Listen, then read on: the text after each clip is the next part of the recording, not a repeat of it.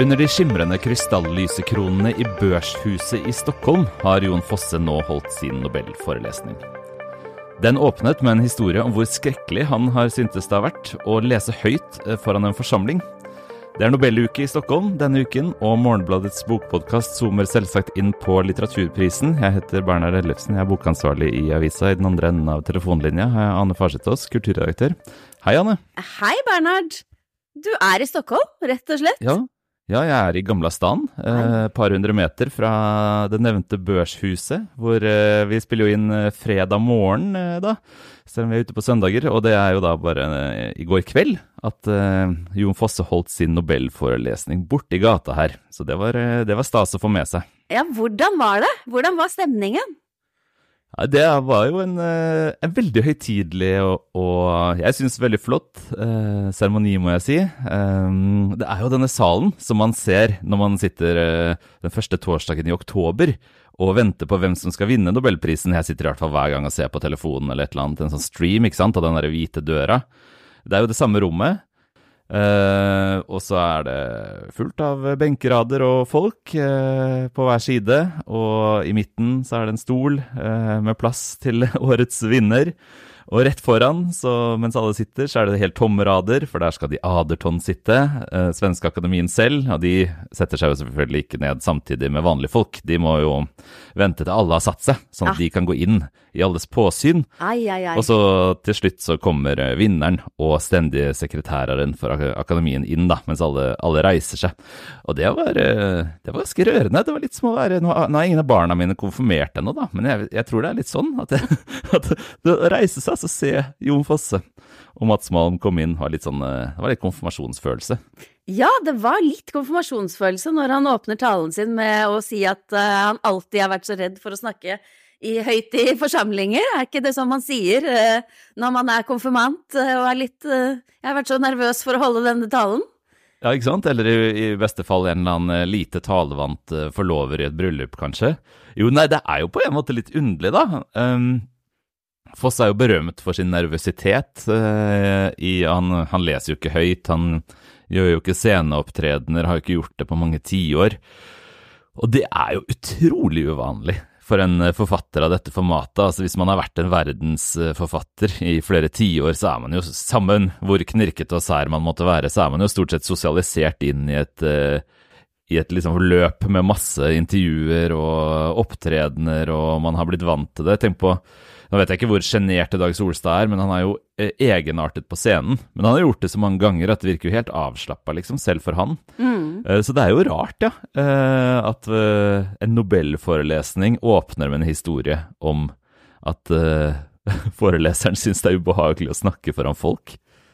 Og hvordan ble det et sånt Ikke sant, det er jo så en sånn rojal og staselig, kongelig ramme rundt dette her, i og med at det svenske akademien ble stiftet av kongen i sin tid, og fortsatt er under kongelig beskyttelse. Det er liksom gullrammer og alt som er motsatt av uh, Jon Fosses uh, Vestland. Uh, hvordan, hvordan passet han inn i sammenhengen? Ja, på en måte så er det, jo motsatt av alt. På den, andre, på den, andre, siden så er det jo på en måte den høye kunstens uh, katedral, og um, det er jo to sider ved Jon Fosses uh, hva skal jeg si det, kunstneriske personlighet. Uh, altså Det ene er jo liksom hverdagen og Vestlandet og fjorden og naustet og det lave, men det andre er jo noe veldig opphøyet og åndelig. Det er Gud i kunsten, som vi kan komme litt inn på når vi skal si hva han snakket om. Um, og det passer jo merkelig godt inn under lysekronene, da, selv om det er eh, fortalt i en, på en måte som det, gjør det jordnært. Så, så, er det jo samtidig høylitteratur han skriver, det kan det ikke være noe tvil om. Og, og det passer på en måte inn, da. Han, eh, han ligner jo en kunstner, Jon Fosse. Det må ja. vi kunne si. Ja. Og som du sier, ikke sant, Svenske Akademien med all sin pomp og prakt eh, den litteraturen som den aller mest styrker, det kan man jo kanskje si er den modernistiske, høyeste kunsten, den, den reneste kunsten, har stått ganske høyt i kurs hos dem som har forvaltet Nobelprisen i mange tiår nå, sånn at eh, det er liksom det høyeste kunstsynet som da har vært modernistisk da, i, gjennom store deler av 1900-tallet. Det har jo på en måte blitt en katedral til det kunstsynet. Ja, det er jo det. Og så er det jo det litt gøy å tenke på, da. For at eh, når Jon Fosse da passer og passer ikke inn, så kan jo det skyldes at han på den ene siden er en stor modernist, og på den andre siden skriver om eh, brødskiver og og uh, rullingsrøyking og, og, alt mulig. Men det gjorde jo da virkelig Kafka og Beckett og alle de store modernistene også, og Joyce og Det lave er jo alltid med i modernismen, så det er jo litt morsomt egentlig at det vi forbinder med noe som er så høyt og rent og stort og utilnærmelig, og som man kan feire i en katedral à la Børshuset under sånne krystallyse kroner, det har jo alltid med seg uh, ja, Joyces kapittel om å gå på do og, og Ikke sant? Det er jo med. Så, ja. så det, det, passer jo inn i estetikken, rett og slett. Han er jo, han er jo ganske klassisk, eh, modernistisk, på den måten at han blander høyt og lavt også. Ja, han er jo det. Og vi kan jo snakke litt mer om tildelingen av mm. prisen til Fosse. Eh, men jeg må jo også bare Vi har jo skrevet så mye og hørt så mye om Svenske Akademien på grunn av krisen og skandalene, og hvert mm. år rundt Nobelprisen så har vi liksom snakket om det, om den i det hele tatt kan rehabiliteres. Har de noe troverdighet, Svenske Akademien, etter eh, alt som har skjedd der, etter skandaler rundt seksuell trakassering, inhabilitet, hele greia holdt på å kollapse. Og så har vi mange år snakket om har det noe troverdighet lenger, og troverdigheten har jo blitt mye mindre, de har blitt tatt ned på jorda. Eh, er det liksom Spiller det noen rolle at de, hva disse 18 menneskene mener, eh, fordi det tilfeldigvis ble opprettet en institusjon der eh, for så lenge siden? Eh, mens i år så har vi jo ikke problematisert Svenske Akademiens dømmekraft, nå som de har valgt en norsk forfatter. Hvordan Nei. oppfatter du Svenske Akademiens ja, status og troverdighet nå? Kanskje litt høyere nå som du akkurat har vært der og sett prisen gitt til en nordmann? Ja, ikke sant. Når jeg er beruset av uh, nærheten til, uh, til, det høye. Uh, nei, altså det er jo fortsatt litt komisk, selvfølgelig, og som, som forsiktig antydet her tidligere, å sitte og se 18 mennesker gå inn liksom som de som bestemmer. Uh, det er jo det her med Svenske Akademien etter uh, Jean-Claude Arnault, kulturprofilen og den store skandalen rundt uh, metoo. Det er jo en litt sånn dobbel historie, tenker jeg. Altså Det ene er jo bare noe generelt veldig deprimerende i verden, om at liksom moralske overskridelser har ingen sånn Det er ikke noe stickiness i det lenger. Altså, ikke sant? Det er jo Trump, på en måte. Det er bare å fortsette. Det, det, det funker for alle. Um, ikke ta konsekvensen av sine egne overskridelser har vist seg å være en utrolig eh, velegnet strategi for å komme videre. Alle overlever, eh, og det, det syns jeg jo er dystopisk, hvis jeg skal være ærlig. Men så har det jo kanskje en litt annen side òg, men, men, jeg tenker at det er en reell dimensjon ved det. da. Mm. Altså at det er en sånn moralsk nihilisme, nesten, eh, som gjør at, gjør at, sånne ting bare kan forsvinne, eh, nesten. Eh, på den andre siden så har de jo gjort noen tiltak, da. Det skal jo sies. Altså, de har jo bytta ut halvparten av medlemmene. Uh, de har uh, lagt, åpenbart lagt stor vekt på å liksom, å gjenvinne uh, seriøsiteten i arbeidet og i hvordan de fremstår, osv. Så, videre. så Så det er vel kanskje litt, litt av begge deler. og enten man mener det ene eller andre, så må man jo konstatere at nobelprisen er omtrent det den var, rett og slett, for de fleste. man kan til og med merke når man Seks år er jo ikke så, så, lang tid, tenker man. Men så er det plutselig litt lenge, og så er det noen som har glemt den skandalen, til og med. Mm. Eh, kan man merke når man uh, prater med folk rundt omkring. Ja, hva var det igjen, liksom? Ja, hvordan det var det da, stemningen i Stockholm rundt selve svenske akademien? Altså var det noe ironi rundt dette arrangementet, eller var det, var det like Tok alle det like alvorlig som før? Nei, altså nå, nå, er jo dette min første nobelforelesning, men har ikke, nå har ikke jeg noen følelse av at det er noe sånn stort, uh, stor ironisk distanse, særlig ikke i den norske delegasjonen, kanskje. Det er mer sånn at uh, det er nord nordmenn på tur i utlandet som er uendelig begeistra for å være midtpunkt, som, som, man alltid er når man er midtpunkt. Så det skulle kanskje vært eh, en dose eh, ironi eller to ekstra, eh, heller enn omvendt, altså. Um, det, er jo, det, er jo, rett og slett en litt sånn høytidsstemning. Mm. Særlig for, særlig for, folk som har vært opptatt av norsk samtidslitteratur. Er, jeg merker jo det veldig selv. altså å sitte der i den salen Det, er jo, det blir altså, bue i ens eget liv som leser også. At man sitter der eh, Som tenåring så leste man disse bøkene og var utrolig opptatt av dem, og 25 år etterpå så sitter man i en sal og hører um, Fosse takke for nobelprisen for de samme bøkene. Det er jo en sånn uh, Ja, når norsk samtidslitteratur har vært uh, livet og jobben uh, i alle år, så er det såpass spesiell følelse at selv Horace Engdahls hånflyr eh, forsvinner i bakgrunnen, selv om man sitter i synsfeltet. Mm. ja, for det, det, har jo også vært en litt stemning av det rundt prisen. Altså at det på en måte er en pris til den sterke norske samtidslitteraturen de siste 20-30-40 åra, da. Det er 100 år siden eh, nesten at nobelprisen gikk til en norsk forfatter. Og det er jo litt sånn en følelse, kanskje, eller en oppfatning at den gikk til Jon Fosse, men det er også en heder til den eh, sterke norske eh, litteraturen, eller? Mm. Ja, det, det, er jeg enig i, og det, det, har jeg jo på en måte antydet også. Og jeg tror vi kan tolke det sånn, eh, med en viss rett, eller vi kan lese det da, fra norsk perspektiv, som et slags høydepunkt på en, en bølge som har vart i nesten en generasjon, som har vært veldig eh, løfterik. Eh, samtidig, når man prøver å zoome ut og se det fra et eh, europeisk perspektiv, gjennom europeiske aviser f.eks., eller internasjonalt, så er det jo ikke sånn. Altså, denne Viktor Malm, vår gode kollega i Ekspressen, skrev jo at feil nordmann fikk prisen. Det skulle vært Dag Solstad. Uh, han skrev det riktignok med et betydelig glimt i øyet. Men det er utenkelig, tenk, sånn som jeg ser det. Altså, det er bare Jon Fosse som kunne ha vunnet nobelprisen. Eh, som vi antydet, det er jo en spesiell type litteratur ofte som løftes frem her. Um, som ja. Knausgård eh, har sagt i intervjuer om dette, liksom. Det er, det er noe med Fosse som, som, skiller han ut. Uh, han sa jo, altså Knausgård sa jo selv at nei, jeg vinner ikke nobelprisen. Dette er, det er det Fosse som gjør, liksom. Mm. Og det, det er jo enig i. Altså, det, det, gir seg selv da, for folk som holder på med, med litteratur, at uh, mm. Knausgård med det han har skrevet til nå, han er både for ung, og det han har skrevet er ikke av den typen uh, litteratur som han får nobelprisen for, rett og slett. Nei, det er middlebrow på en måte, da. I den gamle inndelingen av høyt og lavt, så er Knausgård mer av en middelbrow-forfatter. Og det kan, jeg er utrolig glad i mye middelbrow-litteratur og mener det har har mye, liksom, det har mye for seg å, å blande, blande, verden og kunsten på andre måter enn det som gjøres i den klassiske høylitteraturen. Da.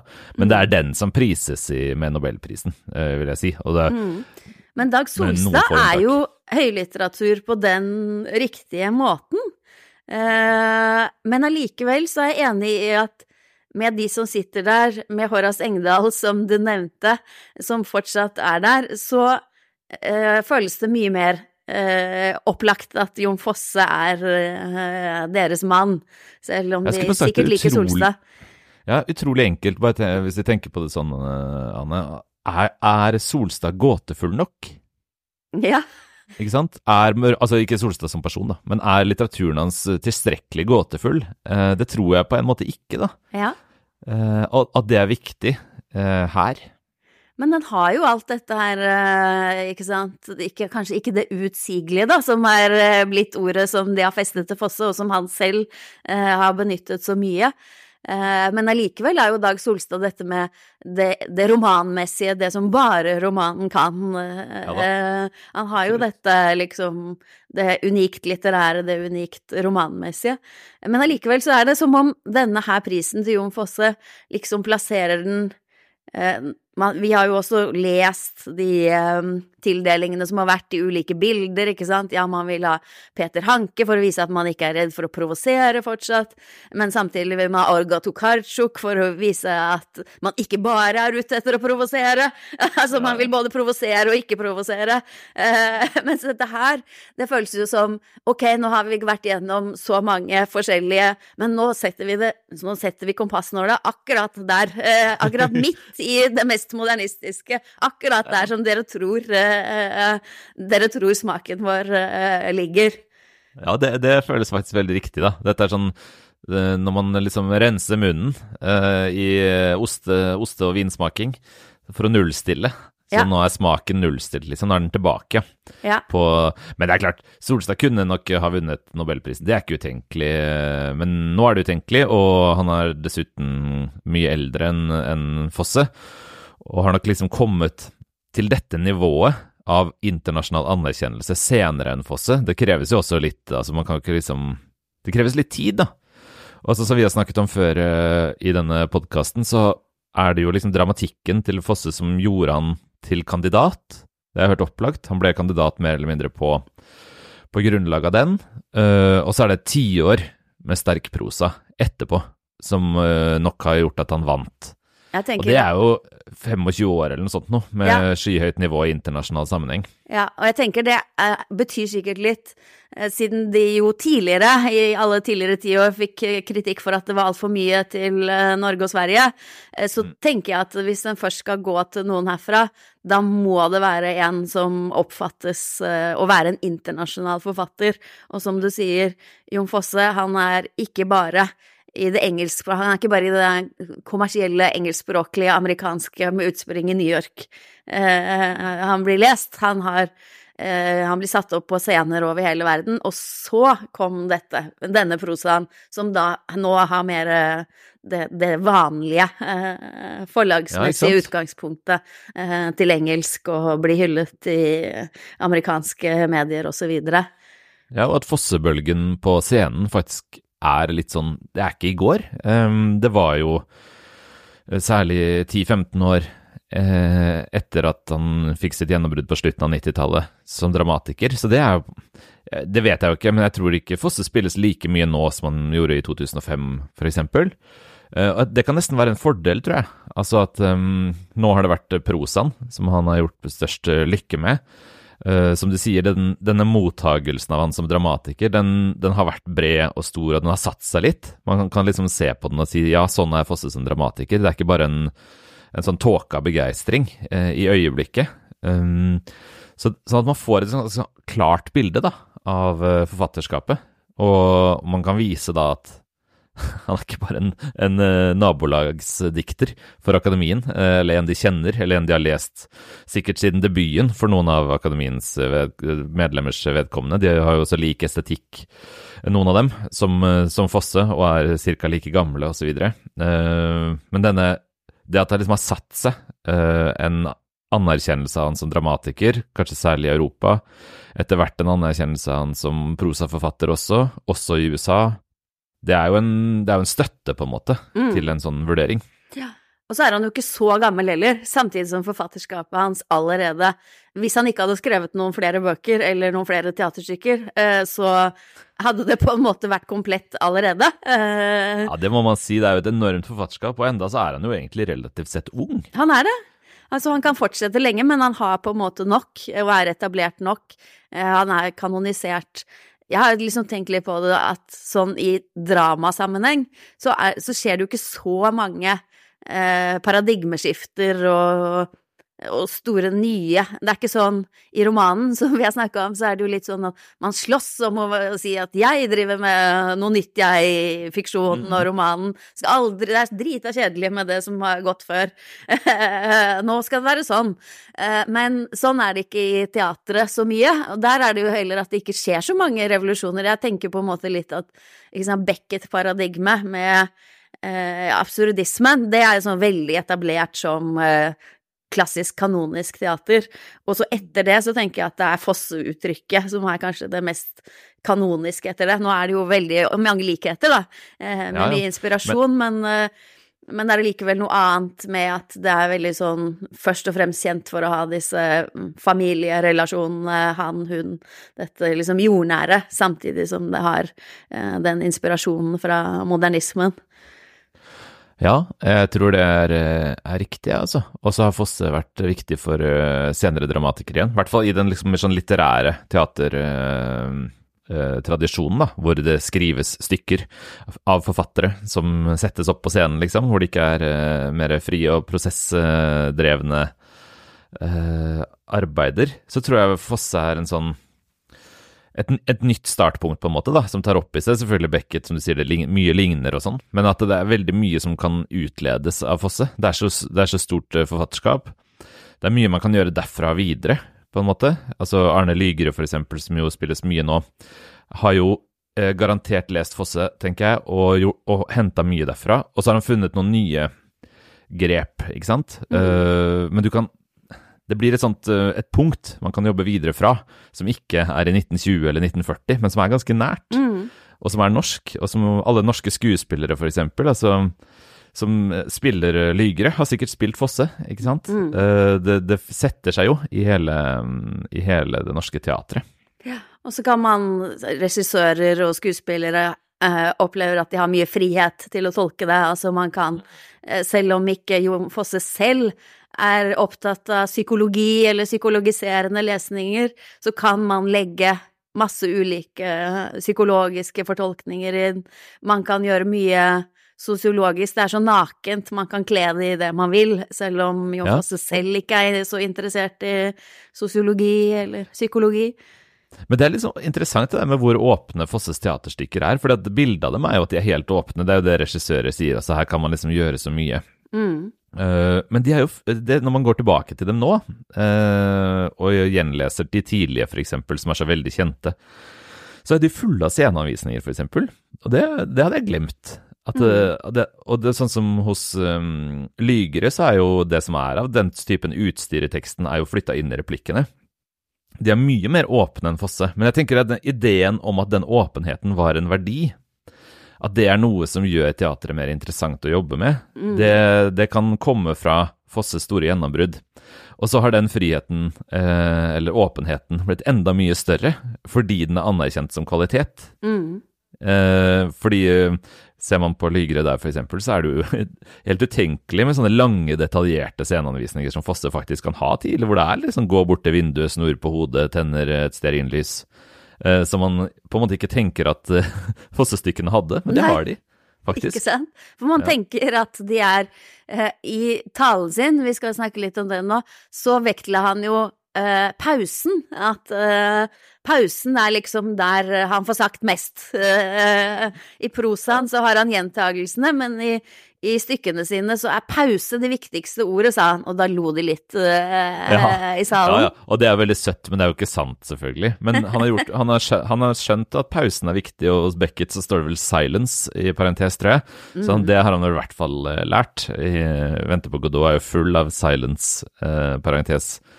Og, mm, og Fosse, det kan være lett å overdrive hvor mystisk Fosse er, fordi at dramatikken hans handler jo ofte om to stykker som er sjalu, eller eh, noen som skal fortelle at de er gravid til foreldrene sine, altså utrolig konkrete eh, situasjoner, egentlig. Og så er det selvfølgelig eh, Språket er ikke helt konkret, men det er mer konkret enn at pause skulle være det viktigste ordet, ja, rett og slett. ja, Ja, skal vi si litt om denne teksten, da? Ja, si litt om har, eh, teksten. Hvordan opplevde eh, du Hva tenker du om uh, talen som er holdt? Det er jo et krav når man eh, får denne prisen. Det er bare én eneste ting man må gjøre, bortsett fra å skrive veldig gode bøker i forkant. Så når man først har fått den, så får man ikke pengene og diplomet før man har holdt en forelesning. Og noen venter jo kjempelenge. Eh, Bob Dylan ventet og ventet. Men uh, Jo Fosse han gjorde det med en gang, som han skulle. Ja, de fleste gjør det. Uh, nei, jeg, jeg, vi har jo trykket den i denne ukens uh, avis. Du har, uh, du har eh, kommentert den litt. Det er jo egentlig fristende å spørre deg, da. Hva, sy hva syns du? Sånn, syns du det var en god, en god forelesning, tale, foredrag? Eller hva, hva var ditt førsteinntrykk, på en måte? Førsteinntrykket mitt når jeg leste den, det var Oi, så personlig han er, da. Skal begynne med dette som vi nå har kalt det konfirmantaktige, men altså begynne i sin egen eh, frykt, angst og opplevelse. Det var, det var da veldig. Han er ikke spesielt glad i å snakke om seg selv. Han misliker på mange måter biografiske eh, fortolkninger, og er på en måte ikke den som han sa selv i talen sin, jeg skriver jo ikke for å uttrykke meg selv, jeg skriver for å komme bort fra meg selv. Eh, Så sånn sett var det overraskende at han var, tok den jeg er bare en enkel, eh, enkel gutt. Men eh, og det var også spesielt kanskje mot slutten, da, der han snakker om at uh, han har skrevet om uh, selvmord i uh, litteraturen sin, og at han har vært um, bekymret for om han sånn sett har legitimert selvmord. Så sier han at han har blitt takket av folk som har, sier at uh, tekstene hans har reddet livet deres, og at det er det viktigste for han. Altså det å nå fram til mennesker og faktisk at litteraturen kan redde liv. Der er han litt, det er litt overraskende for meg at han har et sånt mm. uh, nytte, at nytten da for livet kommer først der, og ikke liksom litteraturen selv, den opphøyde, uh, den store. Men den litteraturen selv, den er jo der, den også. Så det er jo helt klassisk Fosse, dette her. Det er liksom nedpå jorda, det enkle hverdagslivet, samtidig som du har denne høye uh, kunsthimmelen, da, og Mm. Til og med Gud og det guddommelige. Så det var vel mest at ok, dette er Fosses uh, dette har, dette har, jeg lest mange ganger før i essay av Jon Fosse, uh, men nå i en litt sånn, ja uh, På jorda, koselig, litt personlig innpakning. Hva ja. tenkte du? Jo, det siste er jeg veldig enig i, og det setter jeg vel, vel altså pris på, da. At han ikke er kommer som et stort geni rett og slett. Eh, men kommer som et menneske. Det syns jeg er veldig flott. Og så tenkte jeg vel at denne forelesningen hadde veldig mye flott ved seg, og så hadde den noen av de verste klisjeene eh, om modernistisk litteratur, eh, som, jeg, som, jeg, mer og mer tilgir, må jeg si. For jeg tenker at forfattere eh, sier de tingene om litteratur som de selv trenger Eh, for å skrive godt, men det er jo faen ikke sant, da. At uh, det litterære språket er aldri slik. Det formidler ikke. Det er mening heller enn kommunikasjon. Det har sitt eget være. Og det kan du jo si at det litterære språket kan ha sin egen eksistens osv., være forskjell, men det er ikke sånn Det er jo en absolutisme, ikke sant, mm. i uh, denne oppfatningen av at litteratur aldri er retorikk, aldri er budskap, aldri er overtalelse, aldri er overbevisning, som er tull. Uh, men, men, igjen, jeg tror ikke um, det er, altså det er, ikke mest interessant å lese sånt som sånn uh, allmenngyldige påstander om litteraturens vesen. Det handler jo om hva Fosse trenger å tenke for å skrive som han gjør. Og der synes jeg det var mye liv i denne teksten, rett og slett. Det, til og med i denne scenen fra ungdomsskolen uh, er jo denne scenen hentet fra hvor han har sånn skrekk for å lese høyt for andre. Uh, så sier han jo Og som fra ingenstad kom brått ei redsle over meg. Og det er jo fantastisk, da. Ei uro har kommet over meg her også. Så han begynner jo det samme stedet som romanen 'Auster', for eksempel.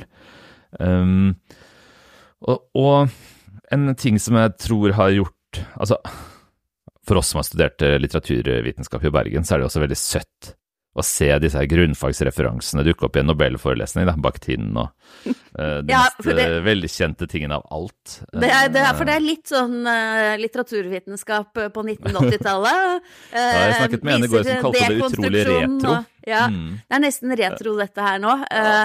og som du sier, hvis man skal gå hvis man skal analysere dette, hva slags språkfilosofisk fundament er dette, så tror mm. jeg det er lett å vise eh, hvordan disse motsigelsene her ikke nødvendigvis henger sammen, hvis man skal se det som et argumentativt hele. Men det, det, skal man jo ikke når det gjelder kunst. Altså, det er ikke nødvendig for forfattere å ha noe som henger sammen eh, sånn 100 eh, språkfilosofisk. De tar de byggesteinene de trenger, eh, og lager noe som er givende. Og her ser vi byggesteinene til Jon Fosse, både der han kommer fra i livet, og byggesteinene han lærte seg på litteraturvitenskap, eh, mm. og hvordan han har satt disse klossene sammen eh, til sitt eget uttrykk. Ja, virkelig, altså. Uh, og en av viktige byggekloss er jo teatret, og jeg syns det er et avsnitt her som avslører hvordan teatret har påvirket han som forfatter, antagelig også av prosa og dikt og alt annet han skriver. For han snakker om teatret, altså lytting i teatret, Uh, han sier teater er jo egentlig ei stor lytting. En instruktør må, eller bør i alle fall, lytte til teksten slik skuespillerne lytter til den, og til hverandre og til instruktøren, og slik publikum lytter til hele framsyninga. Og det å skrive for meg uh, er lytting. Når jeg skriver, tenker jeg aldri ut noe, jeg planlegger ingenting, jeg lytter meg framover. Og han, han, setter dette i forbindelse med at han også har vært eh, musiker i ungdommen, men jeg tror faktisk ikke helt på at eh, dette er noe han ville ha tenkt uten teatret. Altså, dette med å lytte til tekst, og lytte seg fremover osv., syns jeg først er en veldig god metafor. Den gir veldig mening i Fosses tilfelle, og jeg tror det, det kan liksom vise litt hvordan de 15 årene som uhyre produktiv dramatiker gjorde han til en bedre forfatter generelt. Fordi det der med å skrive teater, sånn som han beskriver det her, det, det tror jeg er noe annet. Altså, denne lyttinga er både konkret og metaforisk. Eh, og det, det, avsnittet likte jeg veldig, veldig godt, eh, nettopp fordi det han, han, finner fram til gode ord for hvordan eh, jeg tror han har liksom endt opp med å skrive. Mm. At han er en veldig lyttende forfatter. At han, han, snakker alltid om hvordan han skriver rett igjennom, ikke sant. At han ikke vet hvor han skal, han vet ikke hva som skal skje, osv. Uh, og vi som leser han, vet jo at veldig mye av det som skjer, skjer i språket. Um, og da uh, Jeg tror på han når han sier, med en metafor, at å skrive er å lytte. Jeg er enig, og jeg syns også det, det var også veldig fint når han sa at når han hørte ordene sine på scenen, eh, når han så disse eh, menneskene som prøver å nå frem til hverandre med ord, gestaltet, da eh, fikk han en opplevelse av at det faktisk var verdt å se på. Til og med dårlige oppsetninger av hans egne mm. stykker, så fikk ja. han noe ut av det. Han sier noe fint der, at han eh, For han er ensomheten god så lenge den har en åpning ut mot de andre. Det er vel Olav H. Hauge han viser til der. Eh, og det syns jeg var, det var fint sagt i seg selv, men det er vel også eh, der det fins noe i stykkene hans, da, der det er å lytte etter hva de andre sier mellom ordene, men også i ordene, eh, som jeg syns ja, dette... han fikk fint fram der i talen sin.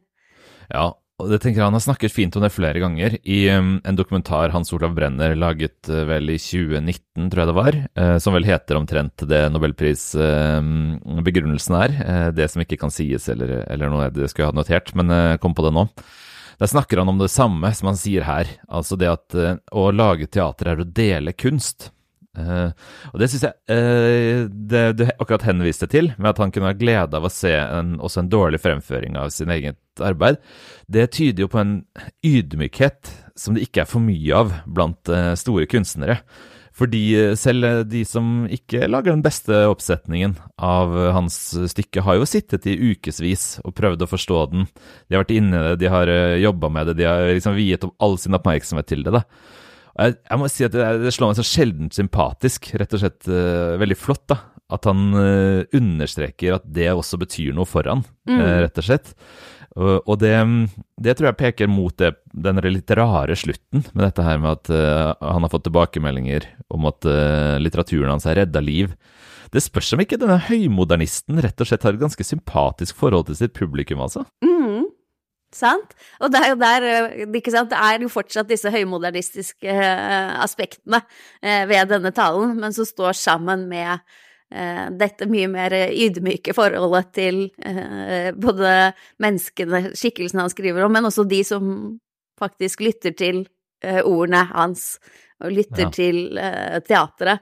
Så nei, jeg syns også det var Det var først og fremst sjarmerende.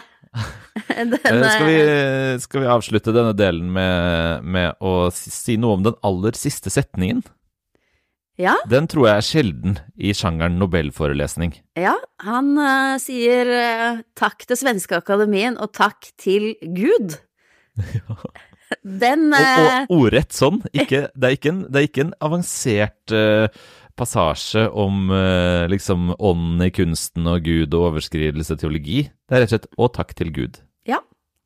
Hvordan leser du det?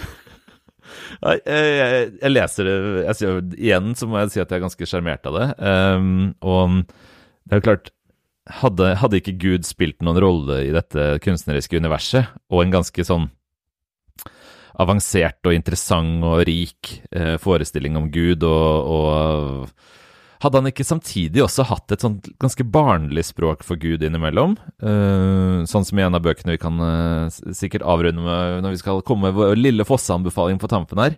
Uh, men i noen av sine beste bøker så snakker han jo om Gud omtrent som et barn ville gjøre det også. Um, så det blir, det blir, en veldig fin setning når den kommer fra Jon Fosse. Jeg tror nok jeg kanskje jeg ville synes den var ørlite grann pussig uh, hvis den hadde kommet fra noen andre og den hadde vært mer sånn uh, kommet bardus på. Men her syns jeg den bærer med seg både det derre hvor viktig Gud er for kunsten til Jon Fosse, og at uh, det er en stort element av barnetro involvert i den gudsforestillingen. Ja, det, det, er jeg enig i. Jeg ser ikke for meg så veldig mange andre som står på den kortlista, eh, som eh, kunne sluttet på denne måten her, og, og, det hadde føltes troverdig og ikke som en eh, ironisk gest. Nei, ikke sant. Du kunne sett for deg at noen hadde begynt med det, og så snakket i to og en halv time om teologi. Ja. Men, men å runde av med et litt sånn kjapt 'takk til Gud', det, det tror jeg er Fosse forbeholdt. ja. Ja, skal vi avslutte med å, å altså Vi hadde en idé om at vi kunne anbefale Det er jo rart etter å ha vært så dypt nede i Fosses univers, kanskje. Men hvor skulle man begynt? Ikke sant? Hvis man ikke var en Fosse-leser, hva burde det være den første boka være? Ja, det er ikke gitt at alle har lest uh, Jon Fosse. Uh, og mange syns jo han er litt vanskelig også, eller tror han er litt vanskelig.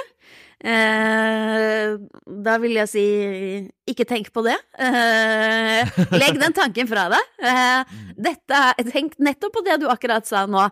Dette er en mann som har eh, barnetro i den forstand at han takker Gud rett fram. Prøv å tenke på det mer sånn. Prøv å tenke at eh, i bøkene hans så er det folk som tenker på livet sitt. Det er, det er ikke mer komplisert enn som så. Eh, så eh, hvis jeg skulle valgt et sted å begynne, så ville jeg foreslått den korte romanen 'Morgen og kveld'. Eh, og eller den korte romanen 'Det er alles, som jeg syns begge to er fantastiske. Mm. 'Morgen og kveld' favner jo da fra fødsel til død i løpet av under 100 sider. Uh, det er alles har også en helt konkret Det er rett og slett en kvinne som ligger og tenker på sine slektninger som har forsvunnet. To flotte bøker. Man kan også begynne med trilogien. Men hva tenker du? Ja.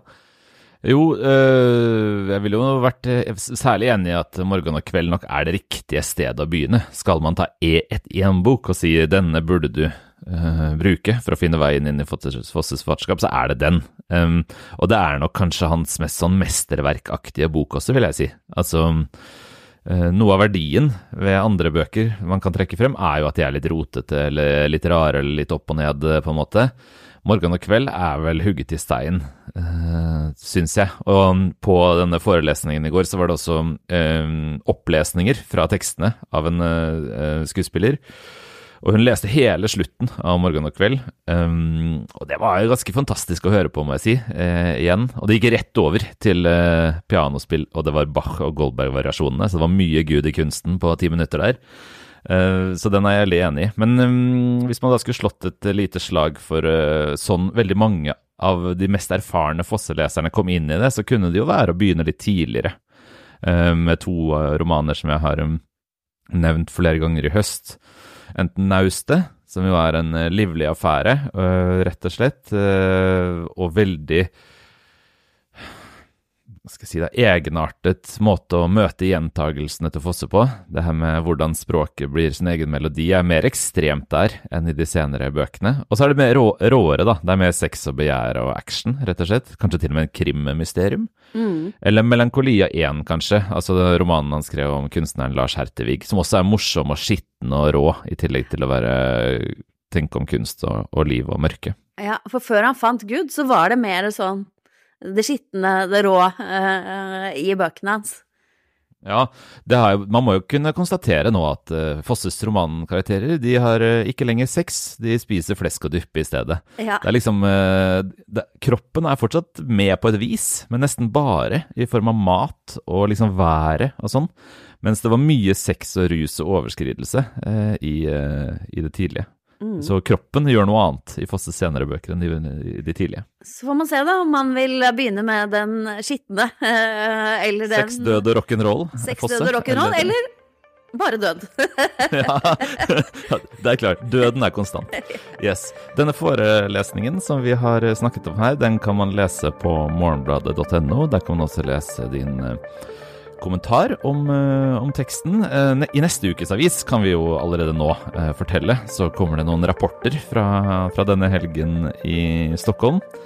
På morgenbladet.no kan man også abonnere på avisen, og man kan sette på en skråstrek ordet podkast for å finne våre søsterpodkaster, politikk og økonomi og kultur. Da skal jeg pakke kofferten jeg, og forlate gamla staden, Ane. Vi snakkes igjen neste uke, vi. Ja, god tur hjem, så ses vi i Oslo. Det gjør vi. Takk for praten. Takk for praten.